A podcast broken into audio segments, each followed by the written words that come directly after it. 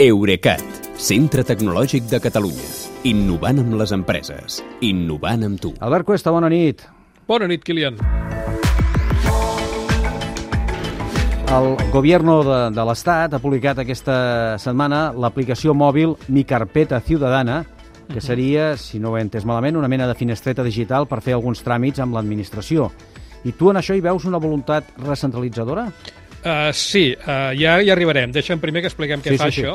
Uh, fins a final d'any uh, encara està en fase de proves, però aquesta micarpeta ciutadana, ara com ara, i després d'identificar-te amb un certificat digital o una cosa semblant, eh, hi po- pots consultar les dades cadas- cadastrals dels, dels immobles que figurin al teu nom, la teva vida laboral, uh, situacions de discapacitat o de dependència, titulacions acadèmiques, de quins vehicles ets titular, quants punts tens al permís de conduir, eh, com està el, el teu procés de participació en oposicions i si tens o no tens antecedents penals o per delictes sexuals. Sí. Uh, L'aplicació també t'avisa quan has de demanar cita per renovar el DNI, el passaport i el permís de conduir o bé per passar la ITV del cotxe. I per l'any que ve eh, tenen previst afegir-hi altres informacions com la història clínica i la possibilitat d'iniciar tràmits a més de fer només consultes com ara. Ja, però tot això no es podia fer digitalment fins ara? Doncs, de fet, sí. Eh, L'administració central ja tenia en marxa des de l'any 2016 un portal web que es diu carpetaciudadana.gov.es que fa exactament la mateixa funció que l'aplicació, que és agrupar en un mateix lloc els accessos a tota aquesta informació que dèiem. El que hem fet ara és gastar-se 700.000 euros dels fons europeus de recuperació, naturalment, en allò que alguns ens fa tanta ràbia, que és, fer, que és crear dues aplicacions mòbils, una per Android i una altra per iPhone, que deu fer més modern. Uh, això sí, com que els certificats digitals i el DNI electrònic no acaben de quallar entre molts ciutadans, diuen que hi acabaran afegint també a l'aplicació una funció d'identificació amb la càmera del mòbil. Però no et pensessis pas que serà automàtica amb intel·ligència artificial com fan alguns bancs. Serà una simple videotrucada amb un funcionari a l'altra banda que t'anirà guiant per acreditar la teva identitat. Home, molt modern, no sembla. Aquesta No. Carpeta Ciudadana preveu només tràmits amb l'administració espanyola, la central?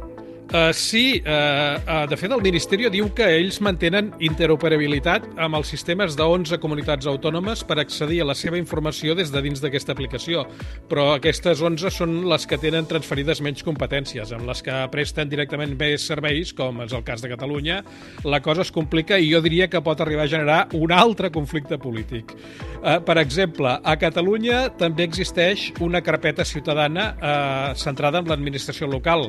La va crear el Consorci Administració Oberta i la trobareu a la web de la majoria dels ajuntaments amb el nom El meu espai. I allà podeu consultar-hi quines dades vostres té el municipi, a qui les ha proporcionat i quines notificacions i tràmits teniu en curs. I en un altre àmbit diferent, els ciutadans tenim les dades mèdiques eh, al portal La meva salut, que n'hem Sí. parlat moltes vegades, sobretot Sí. amb això de la Covid.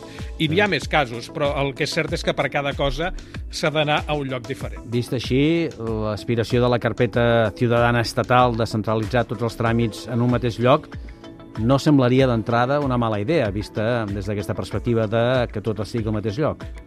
Sí, però a quin lloc? Aviam, a, a, a Catalunya, per exemple, tenim un node que interconnecta ajuntaments, consells comarcals, diputacions, Generalitat, universitats i altres ens públics, i en canvi el Gobierno ha proposat a les comunitats un nou conveni del que en diuen interoperabilitat de dades, això de transferència d'informació, però és que només contempla la transferència de dades en un sol sentit, és dir, que les comunitats li passin informació al Gobierno central, però no a l'inrevés. Ja. El que passa és que el nostre govern diu que d'aquesta manera eh, no, no s'està complint el dret que per llei tenim els ciutadans, que és el de consultar les dades i fer gestions des de qualsevol seu electrònica de qualsevol de les administracions públiques. I és aquí, després de seguir tot el camí, on hi veiem un nou moviment recentralitzador via digital, diguem-ne. A mi m'ho sembla molt clarament i veurem com s'acaba, perquè naturalment eh, des d'aquí ja estan rondinant. Uh, ho seguirem, ho seguirem. Segur. Gràcies, bon cap de setmana, bon dilluns.